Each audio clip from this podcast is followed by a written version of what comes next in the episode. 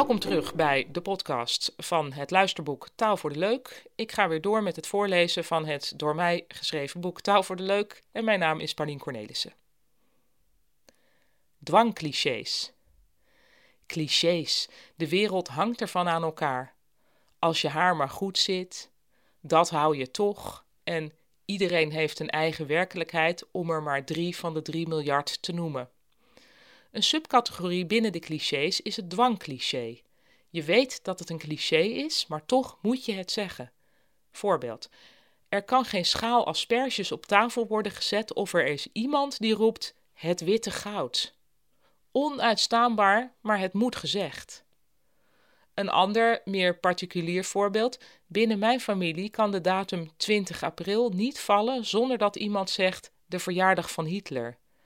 Vorig jaar had mijn vader zich voorgenomen om het niet te zeggen, maar toen zei ik het. Dat is het dwangmatige eraan. Als je toch al weet dat iemand het gaat zeggen, kun je het net zo goed zelf zeggen. Zolang het cliché nog niet geuit is, bouwt zich een spanning op in het hoofd als een kriebel waaraan je niet mag krabben. Als bubbeltjes plastic waarin niet geknepen mag worden. Pas als het cliché losgelaten is, is er weer rust. Overal heersen dwangclichés. Zodra het over het Songfestival gaat, zal iemand van zichzelf moeten zeggen: douze point. In de sport, Herakles uit, altijd lastig. Even tussen haakjes, ik lees dit nu voor. Ik weet nooit Herakles, Herakles, ik weet gewoon niet. Ik zeg nu maar even Herakles. Oké, in de sport, Herakles uit, altijd lastig. En dit specifieke dwangcliché is overgenomen door theatermensen. Waar moet je spelen? Oh, Stadskanaal uit, altijd lastig. Het uiten van een dwangcliché kan grote gevolgen hebben.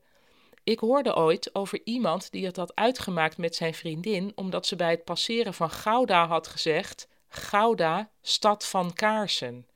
Of misschien zei ze ook wel stad van kazen. Dat had hij niet kunnen verstaan, maar het was in beide gevallen onacceptabel, terwijl het voor haar waarschijnlijk gewoon een dwangcliché was.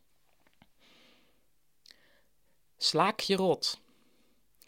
De grijze muis zat op mijn grijze bank en daarom zag ik hem niet meteen. Hij had zijn kopje in de kussens verstopt, alsof hij dan onzichtbaar zou zijn. Als je een muis ziet, denk je eerst: hé, hey, dat lijkt wel een muis. Om pas daarna te denken: maar dat is een muis. En dan gebeuren er allerlei dingen waar je zelf niets over te zeggen hebt en waar je ook niet achter staat. Ik slaakte een kreetje en ging meteen op een stoel staan. Dat van die stoel was niet echt noodzakelijk, maar gebeurde toch, vanuit een automatische behoefte het cliché helemaal af te maken. Toen de muis, verstijfd van angst, was afgevoerd naar een plantsoen, niet door mij, kon ik weer van de stoel af en nadenken over het gebeurde. En vooral over dat geslaakte kreetje. Slaken is een werkwoord dat maar heel weinig inzetbaar is. Alleen een gil en een kreet kunnen geslaakt worden. En een zucht van verlichting. Waarom zou dat zijn? Misschien omdat aan slaken iets klagerigs hangt, iets aanstellerigs, iets wat je doet terwijl je eigenlijk een trap onder je kont zou moeten krijgen. Oorspronkelijk betekende slaken losmaken. Je kon de teugels van je paard slaken. Als je een kreet slaakte, dan werd er dus letterlijk een uitroep losgemaakt uit je keel. Ik vind slaken een prettig klinkend woord en wat mij betreft zou het breder gebruikt mogen worden, want ik zie overal positieve slaakmogelijkheden.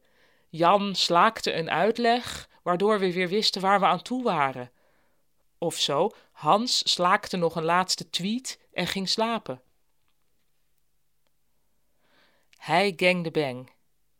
Ik heb al jaren een sluimerende frustratie over dat je niet mag zeggen: Ik heb stof gezogen dan is er namelijk altijd wel iemand die belerend zegt: Nee, het is ik heb gestofzuigd. Want je bent toch niet door je huis gekropen om al het stof met je mond op te zuigen?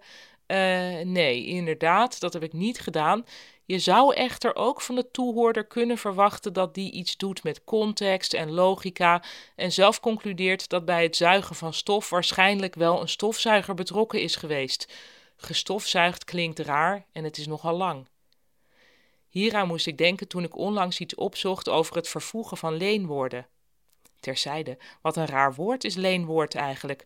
Alsof we de geleende woorden ooit weer gaan teruggeven. Van ja, bedankt, we hebben t-shirt nu lang genoeg gebruikt, nu gaan we het weer blouse zonder knopen noemen. Anyway, uh, het vervoegen van leenwoorden. Werkwoorden die we lenen uit het Engels vervoegen we volgens de Nederlandse regels. Heb jij die dingen nog gefaxt? Nee, tuurlijk niet, gewoon gemaild. Dit werkt over het algemeen goed. Toch zijn er ook woorden waarmee het mijns inziens misgaat. Neem het gezellige woord gangbangen. Volgens de regels wordt dat vervoegd als gegangbangt. Nou, dat ziet er op schrift niet uit en als je het uitspreekt, krijgt het een soort poldergezelligheid die het woord niet verdient. Hebben Frits en jij nog wat gedaan van het weekend? Ah, beetje gegangbangt. Ook de volgende vervoegingen zijn mogelijk: gegaybashed, gegolddikt en geglobetrot. Of je ze ooit echt gaat gebruiken is de vraag, maar dit is wel degelijk hoe je ze moet schrijven.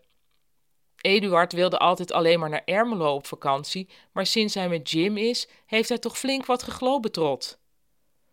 Hoe het al wel moet, geen idee. Wij gang de bang, dat kan ook niet. Wij trotten globen.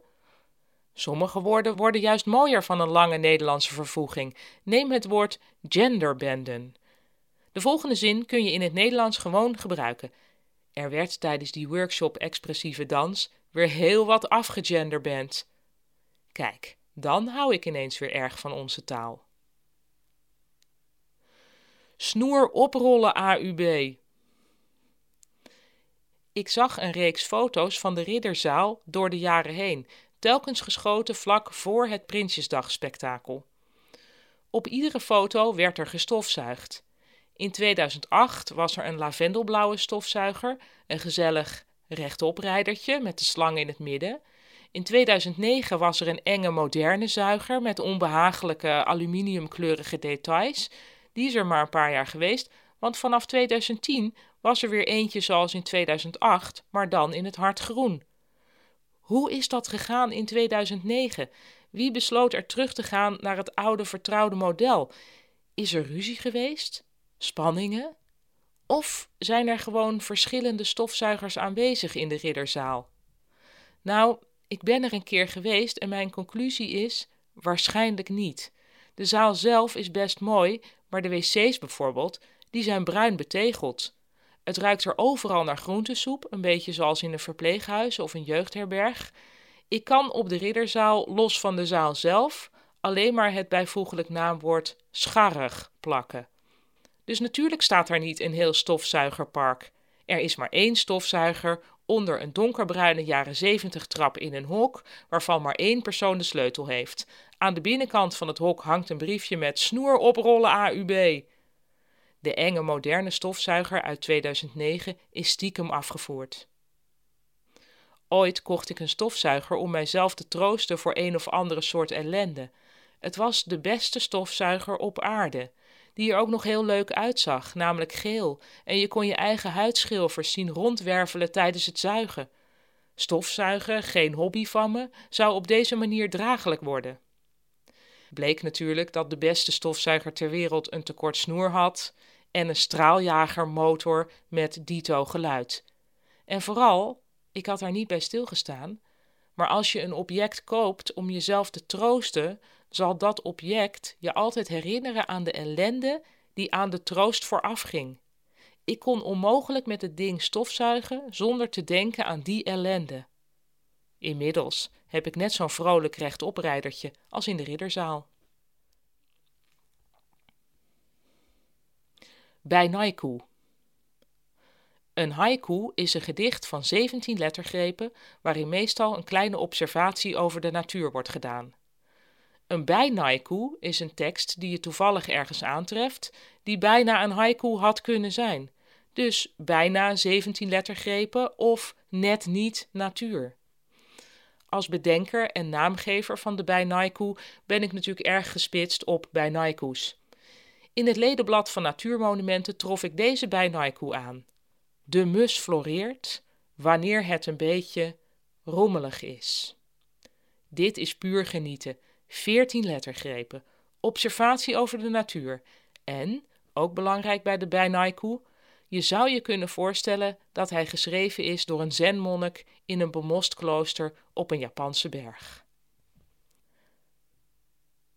Nou, dit was aflevering 2 van de podcast van het luisterboek Taal voor de Leuk. Tot morgen.